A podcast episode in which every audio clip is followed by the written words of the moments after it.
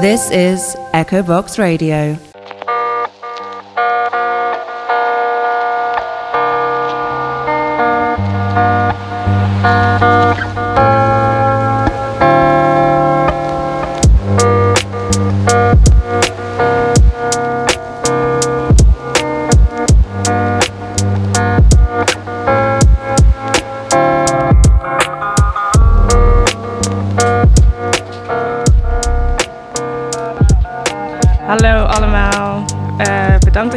Luisteren naar De Groene Paradox. Een talkshow over de complexiteit van duurzaamheid. Eh, waarbij ik altijd weer met verschillende gasten, eh, die allemaal verschillende perspectieven hebben, ga praten over ja, duurzame onderwerpen. Ehm, ik ben Apollonia trou- trouwens. En vandaag gaan we het hebben over investeren. Een best wel ehm, intimiderend onderwerp voor mij. Ehm, maar ik ben daar sinds een tijdje een beetje over in gaan lezen. Omdat ik, ja, ik ben nu 26. Hè, je wilt toch een keertje over je toekomst na gaan denken. Maar bij mij komt dan toch altijd weer de vraag op: hoe doe ik dat op een duurzame manier? Nou, ik ben hier vandaag met Robert Gouda en Peter Slachter. Ehm, Goedemiddag. ja, Goedemiddag. Peter, jij hebt de memo gemist, maar... ik- welke memo? Ja, ik zeg altijd... eh, ehm, of tenminste, ik ben tegenwoordig een beetje aan het experimenteren... met dat jullie jezelf even introduceren. Prima. Dus eh, ja, wie wil beginnen? Ja hoor.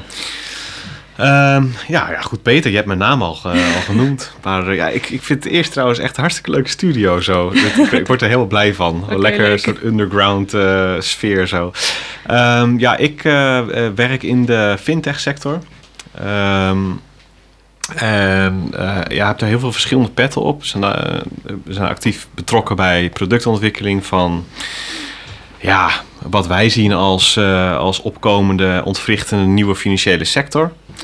Ehm, ben daarnaast ook betrokken bij Lekker Cryptisch. Dat is een, een kennisplatform dat ook ja, toevallig of niet gericht is op, op die materie, dus op het snijvlak tussen geld, economie en technologie. Ehm, en in die hoedanigheid spreek ik met heel veel verschillende partijen. eh, overheid, journalisten, media, eh, banken. Maar ook eh, tech, fintech, startups. Ehm, een boek geschreven. Het heet Ons Geld is Stuk. Ja. Ehm, en daar gaat het vast nog iets uitgebreider over hebben. En tegenwoordig mag ik dus ook zeggen auteur. Dus dat, is, eh, Oh ja. dat, dat krijg je er dan gratis bij. Leuk. Ja, dus dat is even in vogelvlucht eh, wie ik ben en wat ik doe. Oké, bedankt. Goeie introductie.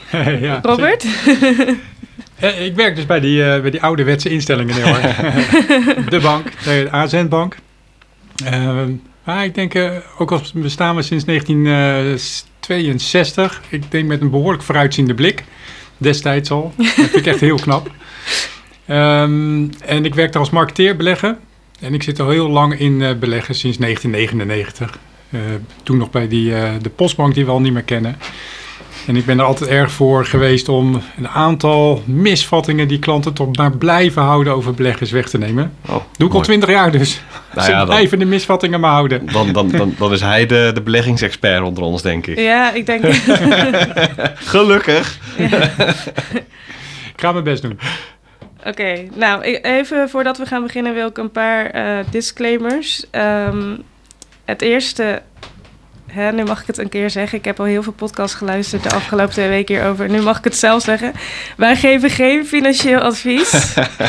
Ehm, en ik wil daarnaast ook wel zeggen, ik, ik, ik heb vaker gesprekken voor deze, voor de, de- deze radioshow over materie die, waar ik niet zoveel van af weet. Maar ik moet zeggen dat ik vandaag wel een beetje, ja, een soort van zenuwachtig ben. Omdat ik denk, huh, ik snap hier eigenlijk Waar te ben je weinig aan van. begonnen? Ja, echt. Dat gevoel. We gaan Ja. je helpen. Maar daarom, ik denk van, hè, ik wil dat het voor de luisteraar altijd dat het begrijpbaar is. Dus dat ik het nu zelf ook niet, ook niet begrijp, dat is misschien alleen maar handig, want dan kan ik betere vragen stellen. Oké, nou laten we maar beginnen dan. Ehm, eigenlijk de eerste vraag waar ik mee wil openen is misschien meteen een best wel, ehm, ja, eh, abstracte of een beetje, beetje, nou ja, laat ik het gewoon zeggen. Ehm, als je aan duurzaamheid denkt, dan denk ik vaak wel aan circulariteit. Ehm, maar investeren is eigenlijk altijd wel gebaseerd op groei. Kan zoiets wel hand in hand gaan? Wat denken jullie? Nou, er zijn mooie voorbeelden hoor, die, die dat hand in hand laten gaan. Ehm, vanmorgen nog noemde een collega van mij een hele mooie, waar je in kan investeren, is het bedrijf Tomra. Zeg je misschien niks, maar als je naar de Albert Heijn gaat en je levert je fles in, dat apparaat is van Tomra. Oké. Ehm, op het ogenblik moeten die kleine flesjes die jij net in je hand had, daar zit ook statiegeld op hè? Ja, ja, ja. Dus eh, die leveren we ook in, hartstikke goed. En dat is voor Tomra mooi, want die machines eh, die worden nog meer gebruikt, ook voor de kleine flesjes. Dus ze hebben nog meer machines nodig. En dat is een mooi verdienmodel, want zij leveren aan de achterkant dat weer in voor circulariteit. Dus Tomra weet heel goed als bedrijf een businessmodel op te bouwen op basis van juist die circulariteit. Dat is heel mooi. ja. Ander voorbeeld, ehm, weten mensen misschien niet, en het is nog maar klein, maar Adidas, bekend eh, sportmerk, is ook weer sportschoenen aan het inzamelen. En daar maken ze weer nieuwe sportschoenen van. Ook mooi. Ja. En tuurlijk, dat zijn de mooie voorbeelden die we nu kunnen noemen. Er zijn er een heleboel niet. Maar het begint wel te komen. Dus je kunt daar ook wel in investeren. En het is ook nog gebaseerd op groei. Oké. Dus Ehm, maar op welke manier draag ik daar dan bij, aan bij als ik daarin investeer? Nou, je investe- als je erin investeert, dan laat je zien dat zo'n bedrijf eh, waarde heeft. En dat zorgt ervoor dat Tomra ook weer kan blijven innoveren. Even Tomra met die machines voor die flesjes. En dan kunnen zij die machines verbeteren, et cetera. Dus dat helpt. Ehm, ja, je kunt natuurlijk ook je, je geld in een sok stoppen tegenwoordig. Want helaas, de rente is niet meer zo hoog. Vind ik ook Mhm. heel jammer. Eh, maar door juist te investeren in dit soort bedrijven... en dan krijgen ze eigen vermogen van... Of dat hebben ze al en dan neem jij het over. maar dan- ja, met het eigen vermogen gaan zij innoveren. Ja. Dus dat is het mooie.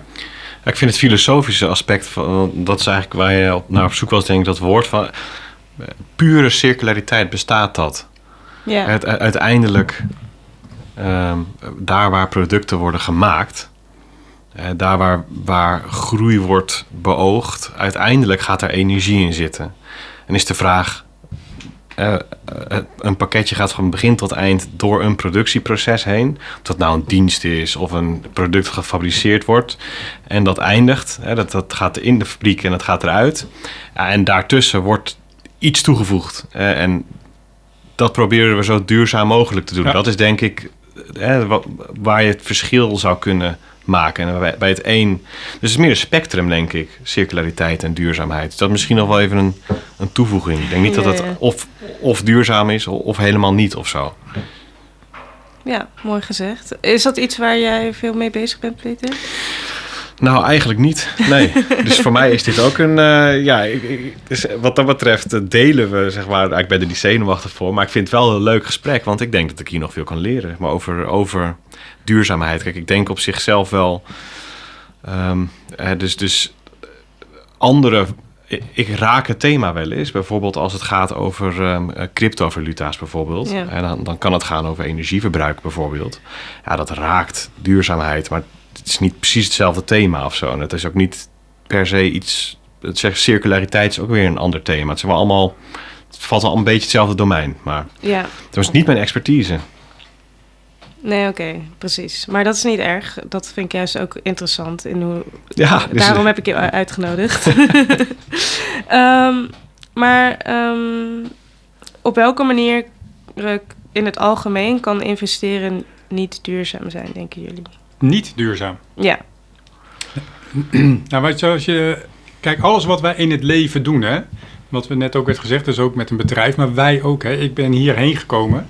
Ja. Eh, nou, ik had kunnen lopen. Eh, kleine eh, footprint noem je dat dan, CO2. Eh, met de trein iets groter. Ehm, met de auto nog iets groter. Elektrische auto weer wat minder. ja, Maar alles wat we doen maakt een footprint. Het is niet anders, maar dat geeft ook niet, want de aarde is zo gemaakt dat hij die ook wel weer wegneemt. Maar wat we op het ogenblik aan het doen zijn, is dat we een te grote footprint maken en de aarde kan het niet aan. Daarom ook hè, net de Glasgow gehad, et cetera. Bij beleggen, ik kan het niet mooier maken dan het is, je maakt met beleggen ook een footprint. Ja.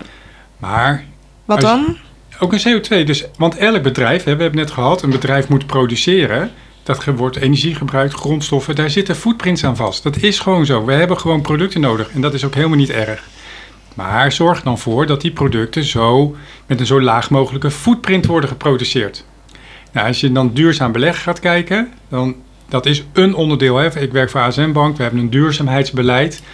Dat is meer dan alleen footprint. Hè, want duurzaamheid, ja, helaas, is geen eenduidige de- definitie. Nee. Ehm, maar wij kijken dus naar de footprint van in welke bedrijven wij via onze fondsen investeren. Die moet zo laag mogelijk zijn. Nou, jullie kunnen uittellen welke bedrijven hele hoge footprints hebben. De fossiele industrie. En daar beleggen wij dan ook niet in. Ja, want hoe, hoe zitten die, eh, die klassementen in elkaar precies? De klassementen van? De klassificatie van wat is hoog en wat is laag? Zijn het verschillende, ik neem aan, verschillende categorieën of zo? Of, Ehm, nee, in footprint dan. ja? Of in duurzaamheid. Ja, jij zegt van we, we, we, beleggen, we stoppen dit soort aandelen niet in, in onze fondsen. Ja. En, en eh, zeg maar, waar ligt dan de grens? En, Nee. en, en wat beoordeel je dan als heel goed of, of goed genoeg? Ja, nou het is vooral dat laatste goed genoeg. Oké, Ehm, laat even, het heeft even een kleine aanloop nodig. Duurzaamheid, helaas geen eenduidige definitie. Dus bij, wij bij ASN Bank hebben daar onze eigen definitie aan gegeven. En wij baseren dat, dat noemen wij drie pijlers. Ehm, biodiversiteit, natuurlijk klimaat, maar ook mensenrechten. Ja. Eh, dus wij kijken naar een bedrijf, en dat doen we echt, eh, met rapporten van externen naar onszelf. En dan kijken we of dat bedrijf binnen al die pijlers voldoet. Voldoet hij aan een van de pijlers niet, bam, is hij eruit. Gaan we niet eens kijken of het financieel aantrekkelijk is, maar we kijken naar. Bij fossiel hebben we al gezegd, want we kijken naar de toekomst, naar het jaar 2050, is er dan nog een wereld waar onze kinderen kunnen leven. Ehm, en dan zeggen wij, fossiel heeft daar geen plek. Dus wij hebben dat al uitgesloten. Dus dat, die is dan wat makkelijker. Natuurlijk, als je zonnepaneelproducenten hebt, de productie van zonnepanelen kost CO2, kost energie. Kan niet anders. Ja. En uiteindelijk zeggen is, de, de eerste heb je gemaakt, dan kun je misschien een heleboel zonnepanelen neerzetten en dan daarmee weer nieuwe zonnepanelen maken. Zou nog kunnen. Maar daar kijken we naar. Hè, En dan moet ze ook niet door. Oei- Oeigoeren zijn gemaakt. Mensenrechten. Dus- en dat is niet zwart-wit. Was Nee, het maar zo. Dus daar zitten ook enorme discussies bij ons. En dat le- willen we ook laten zien. Want ja, was het maar zwart-wit, was makkelijk geweest, maar is niet zo. Nee, maar ik kan me voorstellen dat je wel een eh, bepaalde leidraad hebt. Hè? Dus je een aantal factoren hebt waar je heel naar kijkt en meet. En, Ja. en daar komt dan Ja. een... eh, uiteindelijk wil je denk ik ook de aandelen met elkaar kunnen vergelijken op de een of andere manier. Doen we ook. Doen we ook. Ja, maar dat kan nog steeds zo zijn. Stel dat je een bedrijf hebt met enorme hoge eh, CO2-footprint, maar een ander bedrijf, een concurrent, zit daar de helft onder en is, heeft het plan in de toekomst om daar nog een keer de helft af te maken. Zeggen ja, maar jullie zijn voorloper in de industrie, dat is heel belangrijk, dus wij investeren wel in jullie. Dat kan. Terwijl die ten opzichte van een, nou, laten we zeggen ASML, heeft al zijn service eh, CO2-neutraal neergezet. eh, een veel hogere footprint heeft. Dat kan. Zo, moet je, zo kijken wij daarnaar. Ja, precies. Ehm, iets eh, eerder had je het over eh, dat een product. Nou ja, dat, dat, dat, dat je daar een footprint mee maakt. Maar als wij dingen in de supermarkt kopen, dan dragen we daar ook aan bij. Ja, precies. Maar draag je er dan, denk je, in jouw eh, opinie meer aan bij als je, als je erin investeert? Ik snap dat je nog meer footprint maakt. Ja, dat je dan eigenlijk er meer tussen haakjes verantwoordelijk misschien voor bent. Dan als je zo'n product koopt. Oeh. Ah, ik denk ook dat we moeten oppassen dat we het hebben van een voetafdruk of het, Ja. of het gebruiken van energie, dat we daar eh, een bepaalde allergie tegen krijgen. Eh, Ja, klopt. Mm, Het op zichzelf is er helemaal niks mis mee. Eh, het is ook misschien wel normaal, want we leven nou eenmaal. alles, Ja, precies. precies. hè, alles en iedereen gebruikt energie, gebruikt daar bronnen voor en daar doe je iets mee. Dus als je het helemaal plat zou slaan, denk ik dat wat vooral relevant is, hoe wekken we energie op? En in mindere mate, hoe gebruiken we die vervolgens? Eh, dan kun je nou gaan discussiëren over nut en zo. Nou, dan, dan wordt het al vrij subjectief. Ja. Maar hoe het opgewekt wordt, ehm, dat, dat heeft niet zo heel veel met subjectiviteit te maken. Dat, dat, is, dat, is, een, eh, ja, dat, dat, dat is meer feitelijk. Ja. Eh, en eh, ja, ik denk dat vragen als, veel, als je in de supermarkt X doet, is dat slechter dan eh, Y doen? Ik denk dat we dan voorbij gaan aan eh, dat is, dat is zo'n detailniveau ten opzichte van wat we, wat we jaarlijks wereldwijd aan energie produceren, hoe die gebruiken. En, en ik ben het er helemaal mee eens hè, dat, ehm, eh, dat we aan de ene kant zeggen. ehm, we gebruiken nu eenmaal energie en dat, dat zetten we in voor groei. En je kunt je afvragen of we de afgelopen 50 jaar in het Westen alles wat we aan energie hebben gebruikt op de goede manier hebben ingezet. Aan de ene kant kunnen we constateren, dat heeft ons gebracht waar we nu zijn. En dat heeft, ja, daar leven we nu in en allerlei gemakken enzovoorts. Ehm, we kunnen ook constateren dat we daar misschien wat te veel energie voor gebruikt hebben. En op de verkeerde manier opgewekt hebben. En dat we te veel bronnen hebben gebruikt. En dan komt er ook nog eens de complexiteit bij dat we een heel deel van de wereld daar niet de vruchten van heeft geplukt. Dus dan kunnen wij wel zeggen van ja, fossiele brandstoffen, ehm, dat, dat, dat, dat is niet meer van deze tijd. Maar er is nog een heel, nou, een groter deel van de mensheid die heeft die hele vlucht van groei nog helemaal niet gehad. Ehm, en wij leggen ze eigenlijk op eh, wat, eh, wat wij hebben geleerd eh, in die afgelopen 50 jaar. En dat is haast onhaalbaar voor ze. Want ja, laten we wel wezen, fossiele brandstof is een heel efficiënte, heel efficiënt middel om groei te bereiken uiteindelijk. Kunnen wij dan die mensen, die landen, die miljarden mensen dat dan ontzeggen? En zo, dit, ik, zeg maar, hoe langer ik over dit soort vraagstukken nadenk, hoe moeilijker ik ze ook vind worden. Zijn zo- zulke taaie problemen. Kun je vanuit de Ivoren Toren, van- vanuit Nederland en vanuit het Westen iets, überhaupt iets zeggen op, op wereldniveau? Ja, ik vind dat een moeilijke discussie. Eh, maar in ieder geval denk ik dat het ehm, eh, dat, dat heel gedetailleerde vragen of jezelf schuldig voelen over het gebruiken van energie, denk ik afleidt van de daadwerkelijke problematiek. En die, die zijn qua schaal groter. Ehm, ja, en, en, en die worden dan op zo'n wereldtop besproken. Wat daar de uitkomst van is, weet ik niet. Daar hoor ik ook weer heel verschillende verhalen over. De een die, die jubelt en de ander die zegt van nou, het was eigenlijk een dode mus. Het is zo ingewikkeld. Eh, Hier, hier alles. We hebben ander voorbeeldje. Ons bestuur is, is heel. De governance van een, van, een, ehm, van een land is vaak gewoon op een land georiënteerd. hè, Dus de Nederlandse overheid. Terwijl de moeilijkste problemen, bijvoorbeeld problemen die gaan over economie en geld of over klimaat, die zijn globaal. Ja, probeer maar eens alle neuzen dezelfde kant op te krijgen. En dat heeft dus onder andere te maken met dat de belangen zo uiteenlopen. En dat zie je bij economische problemen, en dat zie je bij klimaatproblemen en duurzaamheidsvraagstukken. Ja, en heb ik er persoonlijk niet de fiducie in dat mijn keuze in de supermarkt eh, iets verandert zeg maar, aan die uitkomst. Ik denk dat daar veel rigoureuzere eh, beslissingen voor mogelijk zijn. Maar goed, dat is zo mijn onderbuikgevoel wat ik hier even op tafel leg. Want Nou, jouw persoonlijke keuze zal niet eh, het een enorm verschil maken, maar het maakt een verschil. En ehm, als jij meedoet ook met anderen en je zegt in de supermarkt: hé, hey, dat biologische eitje, een stukje vlees of eh, brood of wat dan ook, prima. Eigenlijk lekkerder. Ja, prima. Weet je, verk- verkondig het voort, want als we het met z'n allen doen, dan gaan er wel dingen veranderen. En dat zie ik nu wel gebeuren. Ja, dus mijn, mijn oproep zou ook niet zijn van denk er niet over na. De andere kant voel ik ook heel erg. Het heeft ook iets ehm, ehm, ge- geprivilegieerd Mhm. hè, om, Ja. om dit te zeggen. Nee, want er zijn zo ontzettend veel mensen die... Ja. Ja, ik zat ehm, pa- pas geleden bij Humberto in de studio. Ehm, en v- voor mij, of naast mij zit gewoon een tafel, ehm, een uurtje met verschillende gasten. Het ging over een, een film van een kwartier die gemaakt werd. Die had een prijs gewonnen. Het ging over ehm, ehm, meisjes, jaar of 15, 16. Eh, Een grote, een groeiende groep ehm, van dat soort meisjes die geen ehm, eh, tampons of maandverband kunnen kopen. Nou, en dat was dan een bepaald soort armoede. Nou ja, weet je, en toen besefte ik me ook van je hebt zo ontzettend veel verschillende soorten armoede. En dan hebben we het al, al over Nederland. Dus die. dus aan de ene kant begrijp ik heel erg goed van nou, duurzaamheid, circulariteit en, en klimaatproblematiek, die zijn belangrijk, extreem belangrijk, maar voor heel veel mensen niet urgent. Hè, want wat ga je vanavond je kinderen te eten geven? Kun je dat wel of niet betalen? Dat is urgent. En, en Nou ja, als jouw eh, woonomgeving overstroomt, en dat is nou net in die gebieden waar, eh, waar die mensen ook arm zijn, wordt het best urgent. Zeker. Dus, dus, dus er komt een moment dat... Ja. dat Maar de- die zijn er al hoor. Er, er komt een moment dat de beslissing, wat kan ik mijn kinderen vanavond te eten geven, ondergeschikt raakt Ja, aan de gevolgen ja. van. Eh, maar, maar, maar ik wil maar zeggen dat het dus niet een, het is niet een eenvoudige Ja.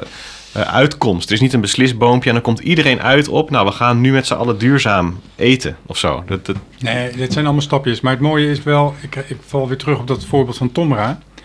Die zetten in, bijvoorbeeld in India die apparaten neer. Dan doen ze samen met de overheid. En dan kunnen ze daar, eh, mensen kunnen die flesjes, wat een enorm plastic probleem is. Wat zorgt voor dat vervuilde water, waardoor iedereen daar ziek wordt. ja. Eh, ze kunnen ze daar inleveren en krijgen ze geld voor. Waardoor mensen daartoe bereid zijn. Je, Dan kun je met allemaal kleine stapjes, weet je, de zonnepanelen gaan naar Kenia, zodat boeren geen hout meer verstoken eh, van het bos. Waardoor er geen ontbossing meer is en de leefomgeving beter blijft. Dat zijn allemaal kleine stapjes, waardoor je met die nieuwe technieken die we ontdekken, zelfs hun wereld verbeteren. Op een Ja, mooie manier. het denk- helpt hè, dat te investeren daarin. Dus niet, niet stoppen daarin. Maar ik snap heus wel dat, Ja, natuurlijk als je honger hebt, heb je een ander probleem dan duurzaamheid. ik Dat denk ook zeker niet dat zeg maar eh, wij de mensen die, de- die inderdaad die keuze moeten maken, moeten opleggen dat ze, dat ze dan voor duurzaamheid moeten gaan kiezen. Het gaat altijd om wat, wat kan jij met de middelen die je hebt. Maar ik denk wel, veel van die problemen zijn ook wel veroorzaakt doordat mensen met privilege daar niet eh, eh, verantwoordelijk mee om zijn gegaan. Dus het is denk ik ook wel nu de tijd dat we dat dat we daar eh, ja, stappen in gaan maken om dat wel weer op te lossen. Voor degene die zich daarin verantwoordelijk voelen, ja zeker Of, doen. of de middelen hebben. Ja. Of, ja. Maar ehm, ik wilde het eigenlijk ook nog even hebben over ehm, de eerste vraag die ik stelde. Hoe en op, welke manier is investeren niet duurzaam? Maar ik denk eigenlijk ook wel zelf dat duurzaamheid wordt wel de toekomst. Je ziet ook steeds meer dat bedrijven zich daaraan gaan aanpassen. Dat dat een beetje de... ehm, dat is de vraag van de consument. Ja. Eh, bijvoorbeeld Shell, die nu ook wel steeds meer daar dingen mee probeert te doen. Ja, ik weet, kan niet zo goed eh, beoordelen in hoeverre dat oprecht is. Maar ik, mijn vraag is eigenlijk: ehm, is duurzaamheid dan niet juist in die, dat opzicht ook een vorm van groei? En is dus investeren in duurzame bedrijven, ja, ook een vorm van duurzame groei? Ik, Nou, het is sowieso slim. ja. Want we, wij zijn bezig om die bedrijven te selecteren sinds 1992. Eh, ik vind het heel knap hè, dat ze daar toen al mee bezig waren. Nu, nu wordt het een echt... Ja, iedereen is ermee bezig, maar destijds helemaal niet. En ehm, we zien dus dat die bedrijven die dus daarmee bezig zijn met duurzaamheid, dus zo'n management, ja, die bedrijven halen goede rendementen. Dat is nog, dat is nog het leuke eraan. Mhm. Dus, Omdat eh, er steeds meer vraag voor is eigenlijk. ja, ze zijn ook heel gericht op de toekomst. Dus als er wat gebeurt in de toekomst, dan kunnen ze daar heel op goed op reageren, waardoor ze financieel gezond zijn. Ja, dat, dat is wel mooi. Dus duurzame bedrijven is ook door een onafhankelijk bu- bu- bureau eh, berekend. eh, via beleggingsfondsen, Morningstar is dat, dat is een groot onafhankelijk bureau. Die heeft laten zien, duurzame bedrijven, fondsen doen het eigenlijk heel vaak beter dan niet duurzame fondsen. Ja, dus eigenlijk in andere woorden, wat misschien ook eh, beter verwoord wat ik probeerde te vragen. Als je investeert in duurzame producten, verdien je daar uiteindelijk misschien meer mee. Ja, klinkt een beetje naar, hè? Vinden mensen, ze Ja. vinden onze klanten bij ASN soms helemaal niks. Die zeggen, Gert, verdemme, krijg ik nog rendement op ook. Ik wil alleen maar duurzaam doen. ja, is echt. Maar eh, ja, klopt. Klopt. Dus Ah, ik, kan, ik kan me wel voorstellen dat bedrijven die op die manier in de wereld staan, meer op de lange termijn gericht zijn, bijvoorbeeld. Precies, ja. Eh, dus dat je misschien op korte termijn op een andere positie meer rendement zou kunnen behalen. Maar dat als je bepaald, vanuit een bepaald ideeel, idealistisch oogpunt ook belegt, juist dat soort bedrijven vindt en, en, en daar over jaren heen gewoon dus een, een fatsoenlijk rendement uithaalt. En misschien gemiddeld gezien al wel hoger ook. Ja, dat, Ja, maar het, ho- het hoeft dus niet idealistisch te zijn. Er zijn dus ook genoeg mensen die denken, ja, weet je, ik heb persoonlijk niet zoveel met duurzaamheid. Maar dat- ik zie dat wel wordt dat de een toekomst... ja, ik heb- ik zie dat de toekomst heeft. Vanuit financieel optiek ga ik erin. Ja, hebben ze ook nog gelijk ook. ja, Dus ja. ja. Maar de meeste me- mensen vinden het en mooi dat het en duurzaam is en financieel rendement oplevert. Ja. Ja, want wat jij zegt over mensen die zeggen, bah, groei. Dat is misschien ook een beetje waar ik eh, naar, aan probeer te raken. In waar we het tot nu toe over hebben gehad. Dat ik best wel met mezelf zit van, vind ik het wel ethisch van mezelf om ja, in iets te investeren. Eh, weer te, soort van te vragen om grondstoffen in plaats van iets terug te geven of zo. En wat, wat zou erop, zeg maar, waar zitten je ethische bezwaren? Ja, ik denk ehm, omdat ik zelf wel veel bezig ben met. Ik wil mijn, leven, mijn levensstijl circulairder maken. Vind ik het dan ethisch om ergens te investeren, puur zodat ik er winst op terugkrijg. Dat is niet circulair, denk ik. Wel hoor. Dat, dat, Ja. weet, ik- dat weet ik niet. Het hangt ook weer een beetje vanaf wat jij met dat rendement doet. Ja, dat is waar. Hè, maar eh, ik, ik denk dat er best wel ehm, eh, manieren zijn om jouw geld zo weg te zetten dat het past bij hoe jij zelf ook in het leven staat. Ik denk Dat Ja. daar op zichzelf elkaar niet bijt. Nee hoor, winst maken is niet vies. Echt, dat is helemaal prima. Kijk, de, eh, de, de wereld groeit.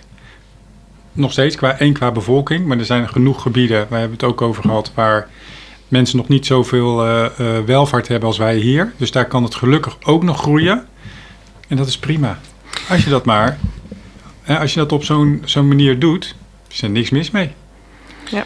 En wat, wat heeft Nederland eraan als jij zeg maar je spaargeld nu laat staan? Dat wordt ieder jaar minder waard hè, door de inflatie. Word je ook niet blij Ja, van. dat is waar. En dan heb jij straks, moet jij van de staat gaan leven, weet ik. Eh, is helemaal niet handig. Het is juist goed om ook voor jezelf eh, te kunnen zorgen. Dus nee, daar is niks mis mee. Bedankt dat jullie me even proberen te troosten. Nee, dat is een beetje gek. Nee, dat is Ja, een beetje gek. Maar er zit ook iets heel paradoxaals in hoor. Kijk, er zijn zulke, zulke enorme verschillen wereldwijd. Eh, dus, eh, wij zeggen hier van we moeten minderen. Terwijl er nog nou, veel meer mensen zijn die nog lang het- de levensstandaard niet bereikt hebben die wij hier hebben. Waar wij dus al die energie aan gespendeerd hebben. Eh, en dat, dat is op zichzelf wel ingewikkeld om dat dan anderen te ontzeggen. Of uiteindelijk komt dat dan weer neer op de vraag: hoe gaan we ervoor zorgen dat we wel energie hebben, maar dat die niet de wereld kapot maakt. Ja. Eh, want ja, het- het neigt er ook wel naar dat er een bepaald consensus bereikt. Of ja, de kans is klein dat we als wereld minder energie gaan gebruiken. Dus op dat, die route de aarde te redden. ja. Eh, dus nu zijn de, discussies over de kerncentrales weer opengebroken bijvoorbeeld. Want ja, dat is een manier om energie op te wekken. Dus om aan de vraag te voldoen zonder dat je direct de, de aarde sloopt. Ja, je, ja maar ik, ik heb daar ook geen antwoord op. Maar ik deel gewoon even de, de gedachten erbij. Ja, precies, precies. Ehm, laten we het even over iets eh, concretere dingen gaan hebben. Ja, hopelijk. Eh, ehm, laten we eerst verder gaan op, op crypto. Jouw ehm, expertise, laat ik maar zeggen. Ehm, allereerst, wat is het doel eigenlijk van cryptovaluta? Want ik denk dat heel veel mensen er nu in investeren... en dat het echt een soort, inderdaad, spelletje wordt van... hé, hey, hoe kan ik hier geld mee verdienen? Maar zien we niet voor ons dat we uiteindelijk dat ook echt gaan gebruiken als betaalmiddel. Nou, ik denk dat we in de eerste plaats even is het heel belangrijk om scheiding te maken tussen het doel van iets, van een ding in de wereld en investeren. Dat. Investeren is in essentie een superrationele bezigheid. Eh, terwijl heel veel mensen dat heel emotioneel doen. Ja. En dat, daar moet je jezelf voor behoeden. Eh, dus het klopt, er zijn relatief veel mensen, eh, volgens mij gaat het richting de anderhalf miljoen mensen in Nederland die in crypto investeren. Maar er zijn ontzettend veel mensen die dan zeggen, eh, die, die horen tijdens een verjaardag horen ze iemand wat roepen over eh, hoge winsten. En die denken, oh, dat, dat wil ik ook. Mhm. Ik ga ook instappen. Die zijn niet in het investeren, zijn aan het gokken. Ja. Dus een heel groot deel van die mensen is gewoon aan het gokken. Ja. En tegen hen zou ik zeggen van, joh, ga beter ga gewoon naar het casino. Dan heb je in ieder geval, weet je zeker dat je een, een fijne avond hebt. ja. Dat je een drankje kan doen en dat je plezier hebt, ga ik vanuit dan, hè, dat je een leuk gezelschap hebt. En misschien dat je die avond minder wint dan als je even gegokt had op een of andere munt die eh, in, de crypt, in het cryptodomein te, te, eh, te halen is. Maar dikke kans dat je er met meer geld eh, uit het casino komt dan dat je gewoon even achterloos wat in, dat, in die cryptomarkt stopt. En daarom zeg ik altijd, het, het, ehm, crypto, aandelen en dat zijn allemaal dingen waar je geld in kan stoppen. Maar de vraag is, waarom investeer je? En dan gaat het dus over je persoonlijke financiën. En dan gaat het over geld. En dan gaat het over beslissingen en strategieën. En dan heb je het nog niet eens over waar je het in gaat stoppen. Eh, en dat is even een belangrijk onderscheid. Eh, voor we het gaan hebben uh, over crypto's en wat ze doen. Want je wil ook voorkomen dat. Stel, ik zeg hier zinnige dingen en mensen horen, oh, dan ga ik daarin. Maar dat is niet waarom je met elkaar moet praten over aandelen of over crypto's.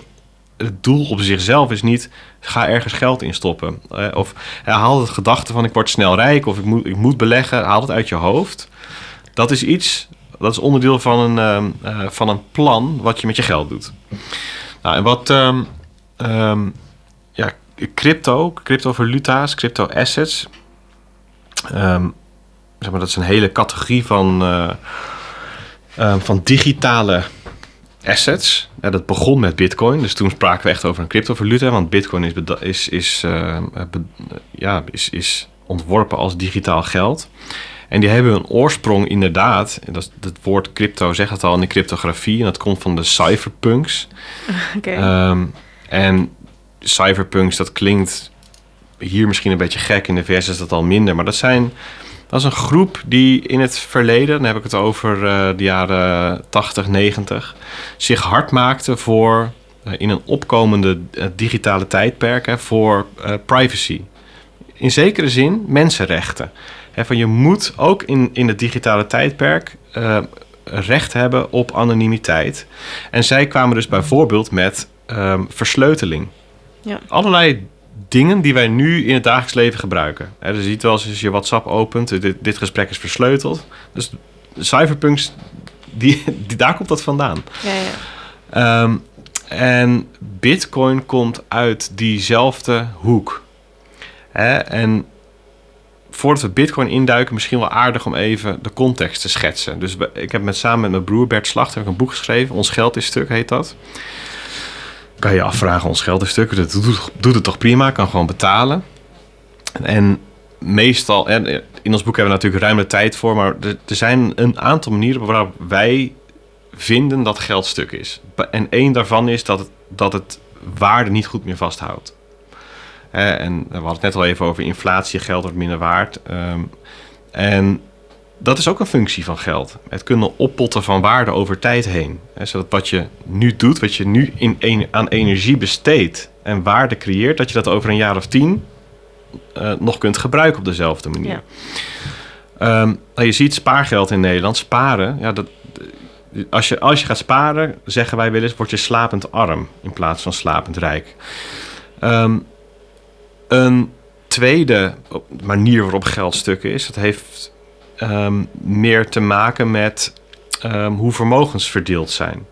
En, de en het effect van monetair beleid. Ja, dat, wat is monetair? Laten we daar niet te diep op ingaan. Maar um, wat, je, uh, wat je ziet is dat er een enorme vermogensongelijkheid is. En dat die toeneemt vanwege de manier waarop ons geld in elkaar zit hoe, dat, uh, hoe geldschepping werkt. En nou, je ziet dat nu bijvoorbeeld in stijgende huizenprijzen en je ziet het in de aandeleninflatie.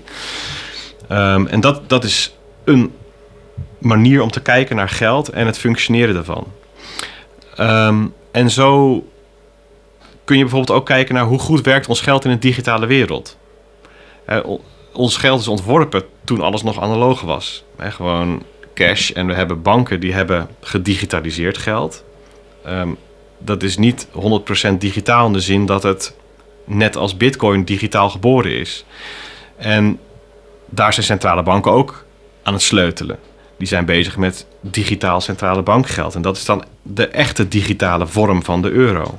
Die wij naar elkaar toe kunnen sturen zonder dat er een tussenpartij bij betrokken is.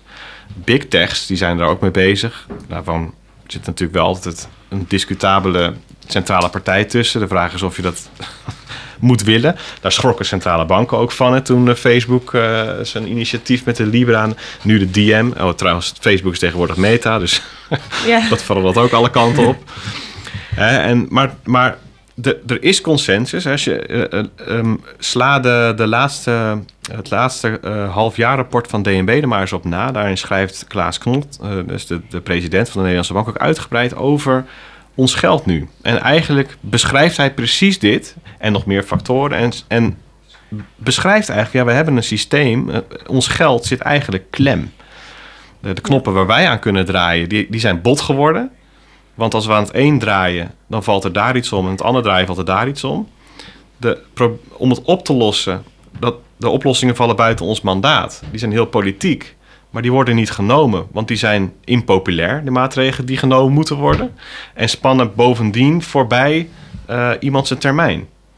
Uh, dus we zitten met een governance probleem. Uh, we zitten met geld niet zo goed past bij het digitale tijdperk. Ja, dat, je, dat, je, dat is wel grappig. Er zit. Uh, oh, hoe heet hij nou ook alweer? Die, dat is de voorzitter van de BIS. Ik denk toch niet ben, dat niet iemand Ik ben zijn naam weet. vergeten. De BIS is de moeder van de centrale bank, zo moet je dat even okay. zien. Um, um, nou, of het was hij of dan, iemand in een hoge positie, familie in Mexico, en die wil dat overmaken. Maar dat, dat, dat, dat werkt en niet direct en het kost klauwen met geld. Allemaal, allemaal uh, correspondentbanken tussen, mm. wisselkoersen enzovoort. Dat kan toch eigenlijk niet van deze tijd zijn? Uh, dat dat zo lastig is. Dat dat niet kan. Um, en daar is dan nu aandacht voor. Dat is min of meer toevallig, omdat er iemand op zo'n positie zit. Nou, en wat uh, digitaal centrale bankgeld en bitcoin en die big techs doen... die zijn alle drie aan het sleutelen aan geld. Dus dat gebeurt gewoon. Uh, dus er is een consensus over, er is iets, moet, ons geld moet veranderen... en er wordt vanuit verschillende richtingen aan gewerkt. Nou, en wat centrale banken doen is een track, wat big techs doen is een track... en er is iets anders, namelijk een open source community die werkt aan geld. Mm -hmm. En wat wij met het boek hebben willen doen is laten zien dat dat is. Maar dat gebeurt gewoon. Of je nou leuk vindt of niet. Dat is aan de gang. Er is niet een centrale partij die dat aan heeft gezet of uit kan zetten. Dat, dat, dat komt op.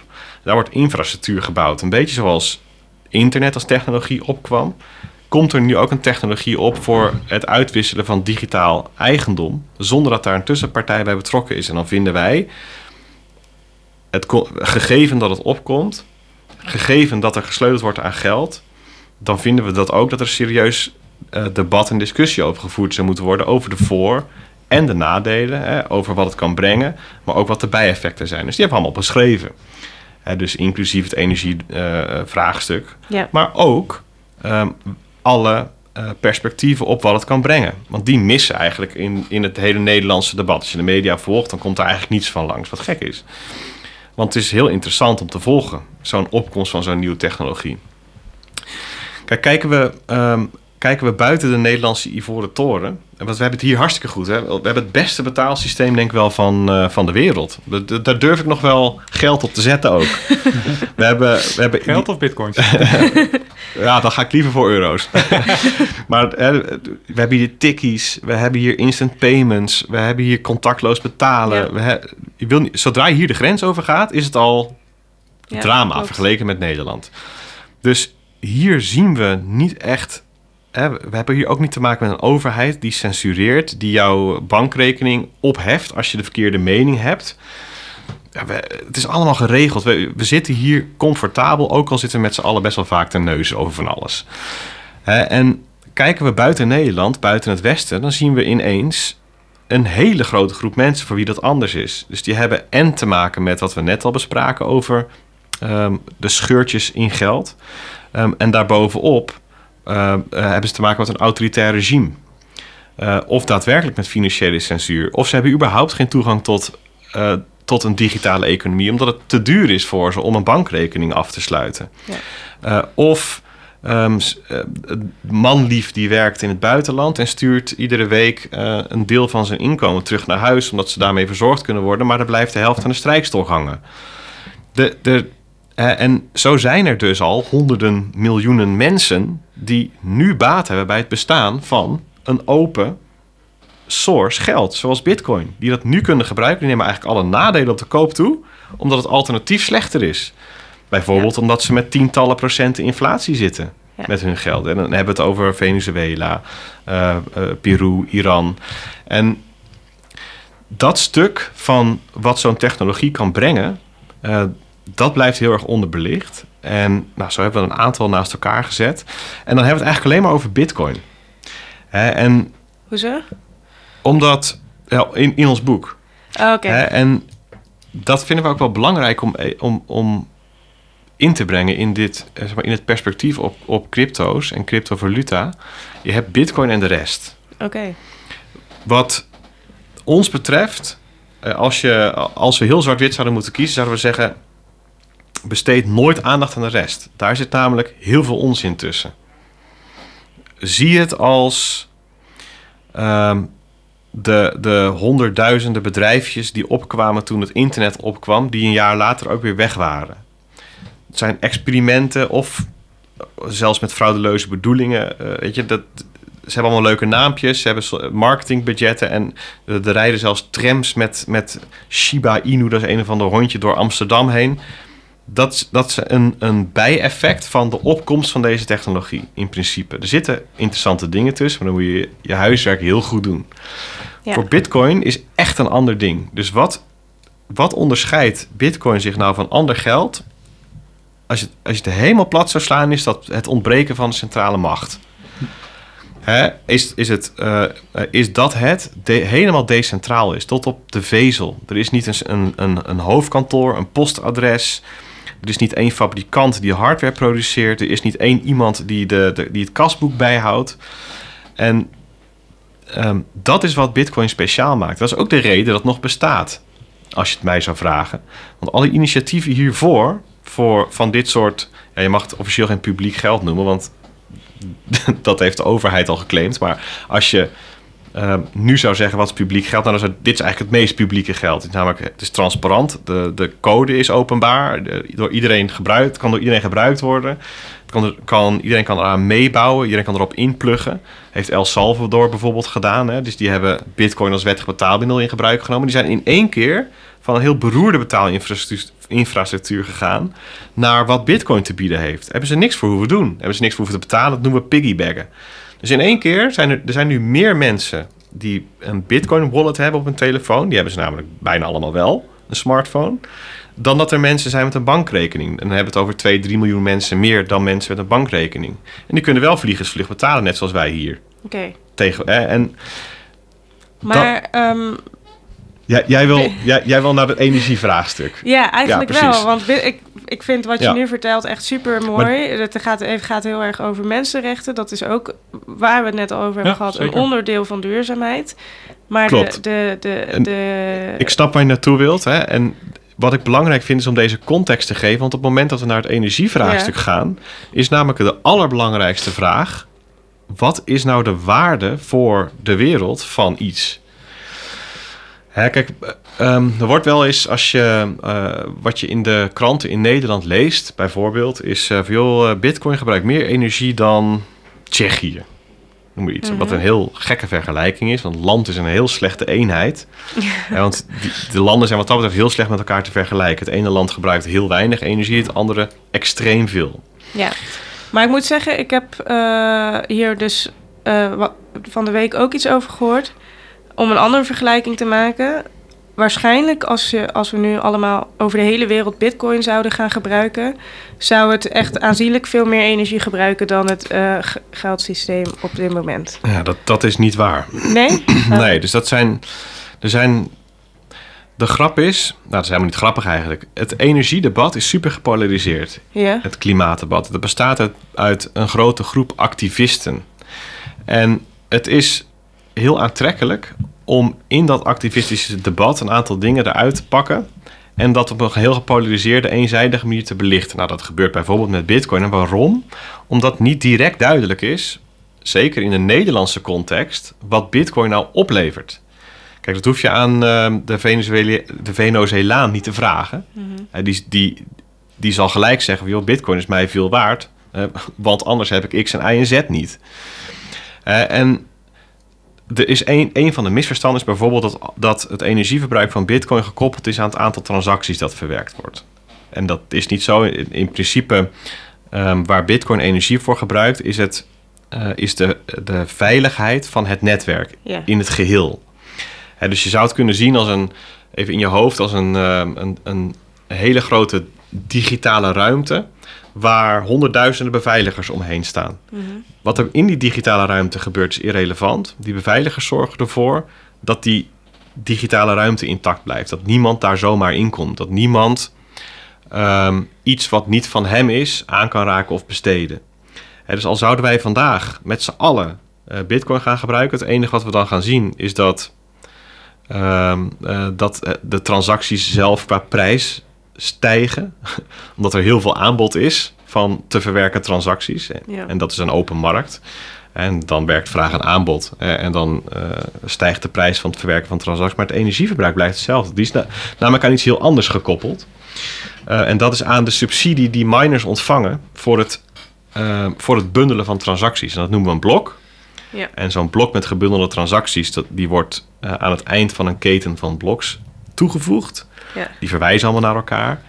Dat maakt het ook moeilijk om het weer terug te draaien. Dat noemen we de blockchain. Nou, de, en, en, En daar de je- miners zijn eigenlijk de beveiligers. ja, de miners zijn de beveiligers, precies. En, daar, en, en zij zorgen ervoor, samen met alle andere deelnemers aan het netwerk, dat die decentralisatie intact blijft. Dat er dus niet één iemand is met de macht. En wat ze daar weer voor gebruiken, dat is het vernuftige, energie. Dus een natuurlijk eh, bron dat niet zomaar te maken is, ehm, dat wordt ingezet eh, eh, om die veiligheid te creëren. Dus, Ja. dus wat niet kan, is er kan nu niet een miner bij komen die even 70% van alle ehm, rekenkracht levert. En dus, en dus ehm, eh, zou kunnen censureren. Of kunnen zeggen van nou, deze transactie verwerk ik wel en deze niet. Stel dat zou gebeuren, is bitcoin waardeloos. Want dan, veran, dan vervalt namelijk dat decentrale karakter. Wat, datgene wat het uniek maakt. Ja. Eh, en als je iets wil waarin je kunt censureren, dat hebben we al. Dat is namelijk gewoon een door een centrale partij georchestreerd geld. Eh, en dan kan je het beter efficiënter organiseren. Namelijk zonder zo'n blockchain en zonder die beveiligers enzovoort. Eh, dus uiteindelijk kom je gewoon weer terug bij de vraag: ehm, vinden we het bestaan van Bitcoin iets waard? Ja. Nou, en dat vereist dus dat je je verdiept in de materie, dat je alle kanten hebt belicht en dat je daarna voor jezelf, hè, en dat is best lastig, want je moet dus iets beoordelen op wat het kan zijn, want het is een opkomende technologie, niet zozeer wat het nu is. En je Ja. moet het ook nog eens beoordelen op ehm, allerlei aspecten die voor jou hier in Nederland misschien nog niet eens zo relevant zijn, maar voor anderen wel. En je moet ook nog gaan nadenken over toepassingen die nu nog niet zijn. Jullie herinneren je vast nog wel van, dat is voor jou misschien, maar toen het internet opkwam, hè, waren er allerlei talkshows van eh, paffende mensen op tv en die waren het praten over internet. Je hebt toen niet nodig, je kan het gewoon een, een kaart sturen. Ik ga echt niet e-mailen. Weet je, het is voor criminelen, het is ja, ja, kinderporno, het is allemaal dit en dat. Met de mobiele telefoon vroeg je aan iemand op straat, denkt u dat u een mobiele, mobiele telefoon, ik wil echt niet altijd bereikbaar zijn. Ik gebruik wel gewoon het, eh, het telefoonhokje. Eh, en, en, en moet je nu zien. En we hebben nu van die apparaten waar we eigenlijk nog niet eens mee bellen. We doen er heel andere dingen mee dan bellen. We zijn wel altijd bereikbaar, maar we doen vooral andere dingen op de telefoon. Ja. En dat is het moeilijke met een opkomende technologie. Bitcoin is dus meer dan geld. Het is ook een applicatieplatform. Eh, het, daarom zei ik aan het begin ook, het is een technologie voor digitale eigendom. Denk aan ehm, eh, je- je identiteitsgegevens of eh, dingen, digitale contracten of kunst. Eh, je, de dingen die in een digitale wereld ehm, waarde hebben, waarvan je zegt, het is belangrijk dat dat op zichzelf staat. Dat niemand daar invloed op kan uitoefenen. Eh, vergelijk het met, ehm, eh, ja, neem de fysieke wereld. Ik geef mijn telefoon geef ik aan jou, jij ontvangt hem van mij, dan is die gelijk niet meer van, van mij. Dat is handig, dat, dat, dat gaat automatisch in de fysieke wereld. In de digitale natuurlijk niet. Ja. In de digitale geef ik iets aan jou, maar dan heb ik het zelf ook nog. Ik heb een kopie. Dat is het briljante van de digitale wereld. Dat is juist wat handig is. Maar als het gaat over digitale eigendommen, wil je dat natuurlijk niet. Dan geef ik jou mijn tientje en heb ik hem ook nog. dat, ja, dat klinkt misschien wel leuk als ik dat tientje geef, maar dat is niet handig. Nee, precies. Eh, en hoe lossen we dat normaal op? Door registers in, in te schakelen, of centrale autoriteiten, of centrale banken, of banken die het bijhouden. Hè? En dat werkt prima, lokaal. Maar wat nu als er een wereldwijd geld is? Wie mag het dan beheren? China of Rusland? China of de VS? De, de, de, de Israëlieten of de Palestijnen? Zeg maar, dan blijkt ineens dat het hebben van een centrale autoriteit helemaal niet zo vanzelfsprekend is. En dat het veel, wat mij betreft, logischer is dat je een systeem hebt waar het moeten hebben van vertrouwen in een centrale autoriteit is weggenomen. Die is namelijk niet meer nodig. Het systeem zelf orchestreert dat. En dat, hè, dus, dat noem je een consensusmechanisme. Dus iedereen die Bitcoin gebruikt, of je nou vriend bent van elkaar of vijand, er wordt consensus gevonden over de waarheid. En dat is onderdeel van de innovatie van Bitcoin. Ja. En daar is al tientallen jaren naar gezocht in die IT. Nou, en, en maar goed, ik, ik zie jou op je lijstje. Je, je zit ook de tijd wegtikken Ja, natuurlijk. so- sorry. Je bent veel te Ik- Nee, maar vriendelijk. ik vind, ik vind het fijn dat je super gepassioneerd hierover praat. En ik zie ook echt wel in dat... Ik, het gaat over de toekomst. En daarom Precies. is mijn volgende vraag ook eigenlijk van... Als bitcoin... Jij zegt dat bitcoin eigenlijk de enige munt is waar we naar moeten kijken. Ehm, als dat een product zou moeten zijn voor de toekomst... Op welke manier... Als, als, het, feit is dat het wel best wel... ehm, ehm, eh, vervuilend is in energie. Maar wo- wordt er ook iets mee gedaan daarmee? Zijn, er, zijn ze, ze, ik weet niet wie, zijn mensen die zich bezighouden met bitcoin op zoek naar oplossingen om Ja, de energie, het energieverbruik te verminderen? Ja, zeker. Kijk, ik- ik vind het dus ook, wat mij betreft, is het een, een stelling. Hè? Dus ver- tegenover vervuiling kan waarde staan. Hè? En dan kun je met elkaar tot de conclusie komen of je die vervuiling wel of niet ehm, acceptabel vindt. Eh, wat mij betreft gaat het er ook voor Bitcoin. Hè? Want eh, ja, even terugkomend op dat soort staatjes van het gebruikt eh, eh, evenveel energie als een land. Eh, er zijn weet ik veel, alle wasdrogers in de VS die gebruiken meer energie dan wat eh, Bitcoin gebruikt. Hetzelfde geldt voor kerstverlichting. En dus als je met, met dat soort vergelijkingen wordt het al snel een. Eh, dan verzand je al snel in drogredeneringen. Eigenlijk ga je dingen met elkaar vergelijken die helemaal niet met elkaar te vergelijken zijn. Want het, het gaat erom. eh, eh, Stel we, stel we vinden, ja, kerstverlichting is ook niet nuttig. Dus dan is Bitcoin goed. Dus dan is het goed dat Bitcoin energie gebruikt. Want dat is ook niet. Stel, dat slaat ook nergens op. Je moet dingen op zichzelf beoordelen. En het klopt dat Bitcoin energie nodig heeft voor, voor de integriteit ervan, dus voor de beveiliging ervan, voor- eh, om decentraal te blijven. Ja. Ehm, maar als je gaat kijken op wereldschaal hoeveel energie Bitcoin gebruikt, we, we- we wekken jaarlijks 160 terawatt op of zo, ehm, dan gaat er 0,05% naar Bitcoin toe. Maar minder dan heel veel andere industrieën, waarvan we ook zeggen dat ze nuttig zijn. En neem gewoon even drie denkrichtingen. Als over 10 jaar Bitcoin niet nog veel meer in gebruik genomen is dan nu het geval is, dan sterft het. Dat is namelijk opgenomen in dat protocol. Dan blijft er namelijk te weinig geld over voor miners om hun werk te doen. Die de subsidie neemt af namelijk. En dan sterft Bitcoin een stille dood. Gebruikt het nul joule. Probleem opgelost. Ehm, misschien een ander scenario dat veel gehoord wordt, is dat Bitcoin eindigt als ehm, monetair anker. Een beetje wat de functie die goud heeft gespeeld in het verleden ook voor monetaire systemen. Vanwege zijn absolute schaarsheid. Ja, dan vervangt het ook industrieën die nu minder efficiënt zijn dan Bitcoin nu is. Eh, En let wel, het is dus niet zo dat de energieverbruik van Bitcoin oneindig groeit. Hè? Dat, dat, misschien neemt het nog wat toe, maar dat zal niet heel veel meer zijn dan nu het geval is. Al gebruikt de hele wereld het. Het derde is, scenario is dat Bitcoin een soort economisch, zeg maar, de, de motor wordt waar digitale bezittingen eh, op verankerd zijn. En dan wordt het door heel veel mensen gebruikt. En dan zal je niemand hoeven uitleggen waarom het nuttig is dat het energie gebruikt. En los daarvan is de vraag: hoe wordt de energie opgewekt waarop Bitcoin draait? Nou, en dan ben ik het helemaal mee eens. We moeten er, wat mij betreft, alles aan doen dat we energie duurzaam opwekken. Maar dat is wat mij betreft los van het bestaan van Bitcoin. Dat vind ik ook als Bitcoin verdwijnt, zouden we dat streven moeten hebben. Ja. Want al zou Bitcoin nu verdwijnen, dan is er een druppeltje op een gloeie- gloeiende plaat is dat. Ten opzichte van wat we zouden moeten bereiken volgens de Parijsakkoorden. En ik weet niet precies wat er nou eh, uitgekomen is uit deze, eh, uit de laatste top. Maar dat, dat, dat, in die context slaat het eigenlijk nergens op. Ja, Ja. maar de mensen die, de, de miners, zeg maar, die zijn wel uit op, ik wil die subsidie ontvangen, denk ik. Ja, zeker. Dus het zijn, eh, je zou kunnen zeggen, alle deelnemers aan Bitcoin hebben een heel egoïstische eh, incentives. Ja.